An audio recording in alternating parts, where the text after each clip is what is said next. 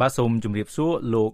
មុំសុគឿនជានាយកប្រតិបត្តិនៃអង្គការយុវសន្តិភាពបាទដែលបានអញ្ជើញមកបន្ទប់ផ្សាយរបស់ VOA ក្នុងរដ្ឋធានី Washington នឹងពេលនេះបាទបាទជំរាបសួរបងសុផាតបាទជាដំបូងនេះខ្ញុំចង់សួរថាតើអង្គការយុវសន្តិភាពត្រូវបានបង្កើតឡើងនៅឆ្នាំណា មានគោលដៅអ្វី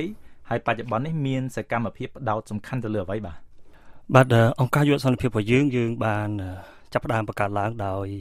ក្រុមនិស្សិត4នាក់តាំងពីឆ្នាំ1999ក្រោយមកទៀតយើងក៏បានរៀបចំឯកសារឲ្យចុះឈ្មោះជាជាអង្គការស្របច្បាប់នៅ ឆ្នាំ2001យុវសន្តិភាពរបស់យើងយើងយើងធ្វើការងារផ្ដោតសំខាន់ទៅលើការលើកកម្ពស់យុវជនការឲ្យចូលរួមក្នុងការដំណើរការកសាងសន្តិភាពនិងជំរុញឲ្យគាត់បានចូលរួមក្នុងការការងារអភិវឌ្ឍក្នុងសហគមន៍មកដល់ពេលនេះយើងមានកម្មវិធីសំខាន់2ការងារសំខាន់ទី1គឺ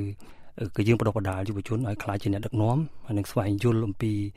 តើធ្វើម៉េចដើម្បីដើម្បីកសាងសន្តិភាពរួមគ្នាហើយនឹងនឹងលើកទឹកចិត្តគាត់ឲ្យបានចូលរួមក្នុងការងារអភិវឌ្ឍសហគមន៍ដែលយើងមានគម្រោងមួយឈ្មោះថាគម្រោងអ្នកដឹកនាំវ័យក្មេងគម្រោងនេះគឺជាកម្មវិធីមួយឆ្នាំគឺគឺយុវជនត្រូវតែចូលរួមនៅក្នុងការបដិបដាលហ្នឹងរយៈពេល6ខែដែលមាន7មេរៀនក្រោយពីគាត់រៀនចប់7មេរៀនហើយគាត់នឹង កសាងខ្លួនកសាងក្រុមជាក្រុមរយៈមាន4នាក់ទៅ5នាក់ហើយនឹងគាត់ចុះទៅធ្វើការងារតាមសហគមន៍ក្រោយពីគាត់ធ្វើការវិតម្លៃសហគមន៍ពេលដែលគាត់ចុះធ្វើវិតម្លៃក្នុងសហគមន៍របស់គាត់ណាតើតើគាត់ចង់ធ្វើអីចង់ធ្វើអ្វីហើយយុវសន្តិភាពនឹងផ្ដល់មូលនិធិអីគាត់ដែលមានកញ្ចប់ថវិកាប្រមាណជា500ដុល្លារក្នុងមួយគម្រោងបាទហ្នឹងហើយគាត់អាចធ្វើសកម្មភាពផ្សេងផ្សេងបានតាមរយៈការងារស្រាវជ្រាវរបស់គាត់ក្រោយពីគាត់ធ្វើចេញពីលទ្ធផលការងារស្រាវជ្រាវរបស់គាត់ ហើយគម្រោងទី2ដែលយើងកំពុងតែធ្វើនេះដែរគឺយើងផ្ដោតសំខាន់ទៅលើការងារការដោះស្រាយជាមួយនឹងអតីតកាលគឺជាពិសេសគឺតកតងទៅនឹងរឿងប្រវត្តិសាស្ត្រខ្មែរក្រហមហើយកម្មវិធីនេះយើងមាន3សំខាន់ផ្នែកទី1នោះគឺយើងបដិបដាយុវជនឲ្យបានស្វែងយល់អំពីអ្វីដែលបានកាត់ឡើងនៅក្នុងអតីតកាលជាពិសេសប្រវត្តិសាស្ត្រខ្មែរក្រហមហ្នឹងតើតើវាកាត់ឡើងម៉េចហើយវាមានផលប៉ះពាល់អីខ្លះហើយយើងនឹងធ្វើបែបណាដើម្បី យករួមចំណែកដល់គ្នាដើម្បីកុំឲ្យអំពើប្រល័យពូសាសនេះកើតឡើងម្ដងទៀតបាននៅក្នុងសង្គមកម្ពុជាហើយយុវជនក៏ដូចគ្នាដែរក្នុងក្រោយពីចប់ហើយយើងនឹងផ្ដល់ជាវគ្គបណ្ដុះបណ្ដាលបន្ថែមពង្រឹងសមត្ថភាពឲ្យគាត់ធ្វើការងារក្នុងសហគមន៍ដែររួមចំណែកនៅក្នុងការងារយុទ្ធធម៌អន្តរការនៅក្នុងសហគមន៍គាត់អាចធ្វើសកម្មភាពផ្សេងៗទៀតបាននៅក្នុងនោះគឺយើងមានក្រុមយុវជនខ្លះគាត់ចុះទៅចងក្រងឯកសារក្រុមយុវជនខ្លះបង្កើតជាកម្មវិធីសម្ដែងល្ខោនបង្ហាញអំពីរឿងរ៉ាវដែលកើតឡើងអញ្ចឹងទៅ ហើយក្រុមយុវជនខ្លះទៀតក៏គាត់រួមចំណែកនៅក្នុងការងារអភិរក្សទីតាំងកន្លែងកាប់សម្លាប់ដែរហើយផ្នែកទី2នោះគឺយើងផ្ដោតសំខាន់ទៅលើរឿងការងារអភិរក្សទីតាំងកន្លែងងារអភិរក្សទីតាំងនេះមកដល់សពថ្ងៃនេះយើងយើងបានកសាងមជ្ឈមណ្ឌលសិក្សាសហគមន៍ចំនួន5កន្លែងមួយកន្លែងយើងធ្វើនៅវត្តអូច្រាខេត្តបៃលិនហើយនៅមួយកន្លែងទៀតនៅក្នុងភូមិថ្មកែវខេត្តកំពង់ឆ្នាំងនៅស្រុកបរិបូរនៅចិត្តចិត្តពលានយន្តហោះកំពង់ឆ្នាំងដែរ បាទហើយមួយកន្លែងទៀតយើងធ្វើនៅនៅធ្លកនៅធ្លកគឺជា security center គឺថាគឺជាកន្លែងមណ្ឌលសន្តិសុខមណ្ឌលហ្នឹងហើយជាគុកបាទជាគុកយើងធ្វើយើងជាគុកចំនួនខ្មែរក្រហមហើយយើងហើយជាកន្លែងដែលស៊ើបអង្កេតរបស់សាលាក្តីខ្មែរក្រហមដែរណាអញ្ចឹងយើងបានកសាងជារូងបុនណាហើយយើងមានបណ្ណាល័យមាននៅក្នុងទៅហើយនៅហើយនៅកន្លែងពីរសំខាន់ទៀតគឺនៅក្រាំងតាច័ន្ទដែលជាគុកចំនួនខ្មែរក្រហមដែរ ហើយយើងយើងមានកម្មវិធីច្រើននៅទីនោះយើងអភិរក្សទីតាំងកន្លែងហ្នឹងហើយរឿងដែលកន្លែងសំខាន់មួយទៀតគឺនៅសំរោងក្នុងបាទនៅក្នុងស្រុកឯកភ្នំនៅក្នុងភូមិនៅឃុំសំរោងក្នុងភូមិសំរោងក្នុងហ្នឹង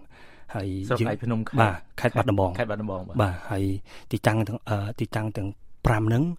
យើងមានទីយើងកំពុងតែធ្វើការងារច្រើននៅក្នុងទីតាំង2ដោយសារតែមូលនិធិយើងមានកំណត់ដែរអញ្ចឹងយើងធ្វើ ទីតាំង2ហ្នឹងគឺនៅក្រាំងតាច័ន្ទហើយនឹងនៅសំរោងក្នុងនៅក្នុងទីតាំងទៅនៅក្នុងរឿងតាក់ទងទៅនឹងកន្លែងមជ្ឈមណ្ឌលសិក្សាសហគមន៍នេះយើងអត់យើងមិនផ្ដោតសំខាន់តែតែលើរឿងអតីតកាលទេគឺយើងក៏ផ្ដោតសំខាន់ទៅលើបច្ចុប្បន្នកាលដែរហើយអនាគតកាលក៏យើងគិតដែរ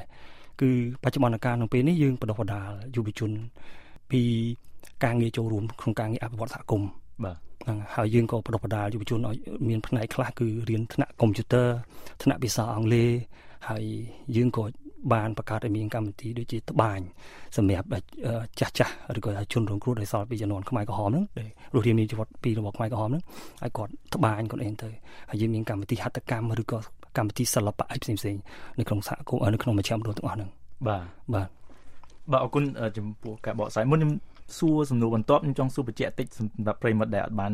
ដឹងនោះបាទពលានហោះកំពង់ឆ្នាំងមានប្រវត្តិតាក់ទងអិនខ្មែរក្រហមបាទពលានយន្តហោះកំពង់ឆ្នាំងនេះគឺកសាងឡើងនៅជំនាន់ខ្មែរក្រហមបាទបាទកសាងឡើងជំនាន់ខ្មែរក្រហមប៉ុន្តែមកដល់ពេលនេះគឺ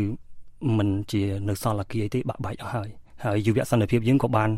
ចងក្រងជាសភៅមួយ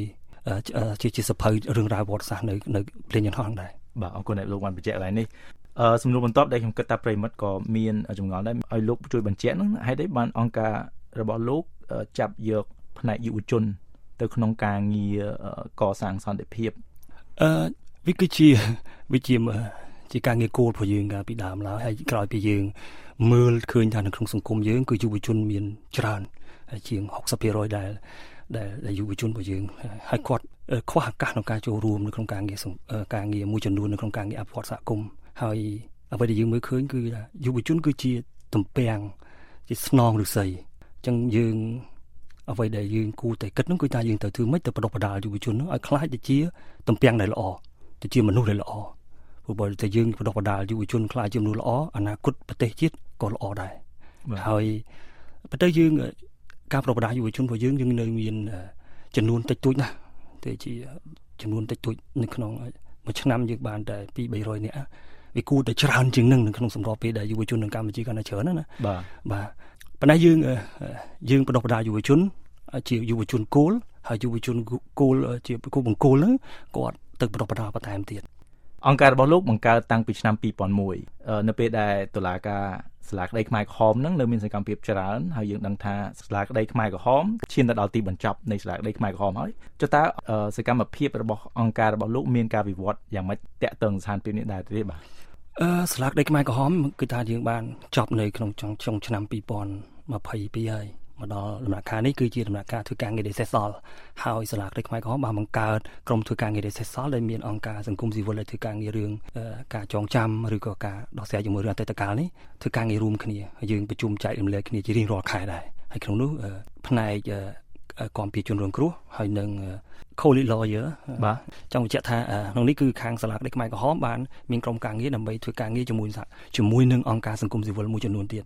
ហើយយើងកំពុងធ្វើការងារយើងប្រជុំចែករំលែកគ្នាហើយយើងក៏នឹងរមមូលនិធិរួមគ្នាដែរតែបើអង្គការខ្លះដែលគាត់មានមូលនិធិពីអង្គការអន្តរជាតិឬក៏ពីស្ថាប័នផ្សេងទៀតហ្នឹងគឺគាត់អាចរស់ទៅគឺគាត់យកអានឹងអនុវត្តឲ្យធ្វើការជាមួយនឹងជនរងគ្រោះឬធ្វើការងារជាមួយនឹងដើមដឹងអីផ្សេងៗទៅដូចជាអង្គការយុវសន្តិភាពអញ្ចឹង ខ្ញុំមកទីនេះក៏ជាផ្នែកមួយសំខាន់ដែរដើម្បីជាទំនាក់ទំនងអន្តរជាតិជាមួយនឹងអង្គការសង្គមស៊ីវិលនៅទីនេះអង្គការអន្តរជាតិនៅទីនេះម្ចាស់ជំនួយឬក៏កាយឡៃរដ្ឋរដ្ឋាភិបាលនៅអាមេរិកដែរហើយយើងទៅជ័យគ្នាថាតើមានមូលនិធិអីខ្លះទេឬក៏មានយន្តការអីផ្សេងទៀតទេដើម្បីផ្ដល់ការគ្រប់គ្រងទៅដល់អង្គការសង្គមស៊ីវិលនៅកម្ពុជាធ្វើការងារតាក់ទងជាមួយនឹងរឿងក្រោយសាលាក្តីខ្មែរសាលាក្តីខ្មែរក្រហមបានបញ្ចប់ហ្នឹងអញ្ចឹងខ្ញុំបានជួបជាមួយនឹងអង្គការមួយចំនួនហើយ កាលពីម្សិលមិញខ្ញុំក៏បានជួយដែរយើងកំពុងតែជែកគ្នាក៏មានដំណឹងល្អខ្លះដែរអញ្ចឹងត្រឡប់ទៅវិញយើងនឹងអាចទៅជែកគ្នាធ្វើការងារបន្តទៀតបាទអភិវឌ្ឍគម្រោងថ្មីថ្មីបន្តទៀតបាទថាលោកលើកហាងហើយខ្ញុំចង់បញ្ជាក់លោកជួយមកនេះមិនមែនរយៈពេលខ្លីទេបើដូចជាច្រើនខែដែរលោកអាចជួយបញ្ជាក់ទេលោកមកសហរដ្ឋអាមេរិកនៅពេលនេះរយៈពេលប្រហែលដែរហើយបដោតសំខាន់លើអ្វីបាទខ្ញុំមកទីនេះរយៈពេល3ខែចាប់ពីខែដើមខែ2រហូតដល់ចុងខែ4 ហើយខ្ញុំទៅបានអញ្ជើញពីវិទ្យាស្ថាននៅសាកលវិទ្យាល័យ Binghamton University នៅ New York គឺវិទ្យាស្ថាន Institution for Genocide and Mass Atrocity Prevention ដែលជាវិទ្យាស្ថានមួយដែលផ្ដោតដែលផ្ដល់ការបណ្ដុះបណ្ដាលផ្នែកអនុបណ្ឌិតទៅដល់និស្សិតមកពីពីប្រទេសផ្សេងៗទៀតជុំវិញសាកលលោកតកតងទៅនឹងរឿងការងារ genocide ហ្នឹងឯងហើយខ្ញុំមកក្នុងគោលបំណងមួយចំនួនទី1គឺយើង ចែករំលែកការងាររបស់យើងទាក់ទងទៅនឹងការងារការដោះស្រាយជាមួយអតីតកាលឬក៏ genocide prevention ហ្នឹងជាមួយនឹងនិស្សិតនៅសាកលវិទ្យាល័យនិស្សិតនៅ department ហ្នឹងហើយទី2នោះគឺយើងជួយ mentor ឬក៏ថាយើងយើងបដិបដាលដល់ក្រុមផ្ដល់ដំបូន្មានផ្ដល់ដំបូន្មានដល់ក្រុមនិស្សិត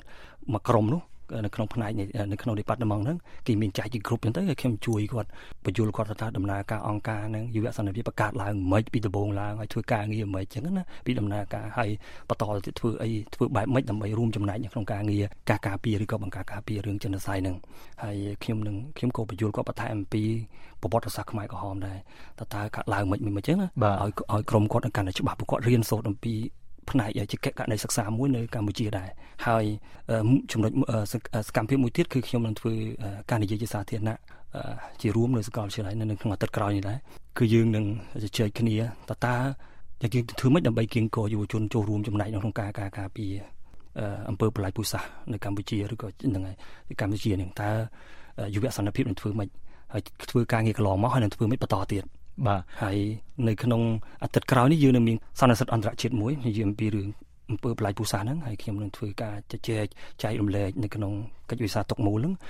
និយាយអំពីរឿងការការធ្វើការងារក្រោយរបស់ខ្មែរក្រហមហើយនឹងការងារអភិរក្សតែយើងនឹងធ្វើការងារយុវជននឹងគៀងគរសហគមន៍មិនដើម្បីអភិរក្សទីតាំងកន្លែងកន្លែងដែលកាប់ស្លាប់ឬកន្លែងដែលសល់ពីកន្លែងទីតាំងវត្តសាស្ត្រចំនួនខ្មែរក្រហមនឹងហើយយើងនឹងគៀងគរសហគមន៍មិនហើយតែមានបញ្ហាប្រឈមអីខ្លះអញ្ចឹងណា លោកបានលើកឡើងថាលោកបានធ្វើតំណែងតំណងច្រើនក្នុងរយៈពេលឥឡូវលើកថាដូចជា2ខែណាមកសហរដ្ឋអាមេរិកនេះនៅរដ្ឋញូវយ៉កតែក្រៅពីតំណែងតំណងក្រៅពីនេះលោកបានរៀនសូត្រអំពីអ្នកចូលរួមកម្មវិធីឬនិស្សិតដែលមកចូលរួមដែរខ្លះដែរអត់បាទមានរឿងខ្លះមានកម្មវិធីខ្លះនៅសាកលវិទ្យាល័យ Biamton គឺថាយើងមានការចែកម្លែកពីអ្នកជំនាញផ្សេងៗមកពីបូស្នីហ្នឹងដែលយើងអាចរៀនសូត្រពីគេបានហើយពីប្រទេសផ្សេងៗទៀតដែរ នៅសប្តាហ៍ក្រោយនេះយើងនឹងយើងនឹងរៀនសូត្របន្ថែមទៀតពីប្រទេសថៃប្រទេសអីដែលតាក់ទងជាមួយនឹងការងាររឿងការកសាងសន្តិភាពនៅប្រទេសផ្សេងៗហើយសម្រាប់យើងខ្ញុំបានទៅជែកចែកម្លែករៀនសូត្រពីក្មេងៗឬក៏និស្សិតនឹងបើពាក្យថានិស្សិតពីនិស្សិតដែលនៅសាកលវិទ្យាល័យហ្នឹង គឺចែកម្លែកអំពីបទពិសោធន៍របស់គាត់មួយមួយដែលធ្វើការងារកន្លងមកនៅក្នុងប្រទេសរបស់គាត់តែគេដោះស្រាយមិនចឹងមានថាយើងរៀនពីគ្នាយើងចែកម្លែកពីយើងចែកទៅគេគេយើងយើងរៀនពីគេមកវិញមានចំណុចណាដែលលោកគិតថាពេលទៅលោកទៅប្រទេសកម្ពុជាវិញយកនឹងយកទៅអនុវត្តតែចំណុចថ្មីណាមួយបាទអឺរឿងដែលសំខាន់នៅក្នុងអ្វីដែលខ្ញុំរៀនសូត្របាននៅក្នុងដំណាក់កាលនេះគឺតកតងជាមួយនឹងរបៀបក្នុងការរៀបចំសារមន្ទីរឲ្យកាន់តែល្អប្រសើរឬក៏ទីតាំងកន្លែង ឧក្រិដ្ឋកម្មហ្នឹងឲ្យវាកាន់តែល្អប្រសើរជាងនឹងឲ្យមានការតាក់ទាញដែលយើងមើលឃើញថានៅនៅសហរដ្ឋអាមេរិកវាជាប្រទេសជឿនលឿនគេមានលុយគេមានអីចឹងណាដែលគេធ្វើទៅវាកាន់តែទំនើបយើងទើបតែចាប់ខ្ញុំខ្ញុំអាចប្រើបានថាយើងទើបតែចាប់ផ្ដើមធ្វើការងារនឹងដែរអញ្ចឹងយើងត្រូវការពេលវេលាបន្តិចទៀតដើម្បីធ្វើការងារអញ្ចឹងហើយយើងនឹងជំរុញនឹងលើកទឹកចិត្តឲ្យសហគមន៍បានចូលរួមជាមួយយើងកាន់តែកាន់តែល្អជាងនឹងទៀត ឃើញថាលោកបានអញ្ជើញមកសហរដ្ឋអាមេរិកឃើញបានទទួលផលច្រើនបាទមានអ្វីជាចុងក្រោយដែលលោកចង់បដែផ្ដាំឬមួយចង់មានមតិយោបល់ទេបាទបាទជាចុងក្រោយមែនតើអរគុណដល់សាកលវិទ្យាល័យ Bihampton ដែលបានអញ្ជើញខ្ញុំមកដើម្បីចែករំលែករៀនសូត្រនិងបានជួបនឹងកសាងទំនាក់ទំនងជាអន្តរជាតិជាមួយនឹងស្ថាប័នផ្សេងៗទាំងស្ថាប័នរដ្ឋាភិបាលផងដែរ ដើម្បីបង្ហាញអំពីការងាររបស់ពួកខ្ញុំហើយក៏ក៏អរគុណដែរសម្រាប់ VOA ដែលផ្ដល់ឱកាសឲ្យខ្ញុំបានចែករំលែកការងាររបស់ខ្ញុំនៅពេលនេះបាទសូមអរគុណបាទដោយសារពេលវេលាយើងមានតែប៉ុណ្ណេះបាទខ្ញុំសូមអរគុណលោកម៉នសុគឿនបាទលោកជានាយកប្រតិបត្តិនៃអង្គការយុវសន្តិភាព ដែលកំពុងតែធ្វើការស្រាវជ្រាវនិងសិក្សារៀនសូត្រនៅសហរដ្ឋអាមេរិកសូមអរគុណដែលលោកបានអញ្ជើញមកផ្ដល់បទសម្ភាសន៍ដោយផ្ទាល់នៅក្នុងបន្ទប់ផ្សាយរបស់ VOA នៅពេលនេះបាទនឹងសូមជម្រាបលាបាទបាទអរគុណច្រើន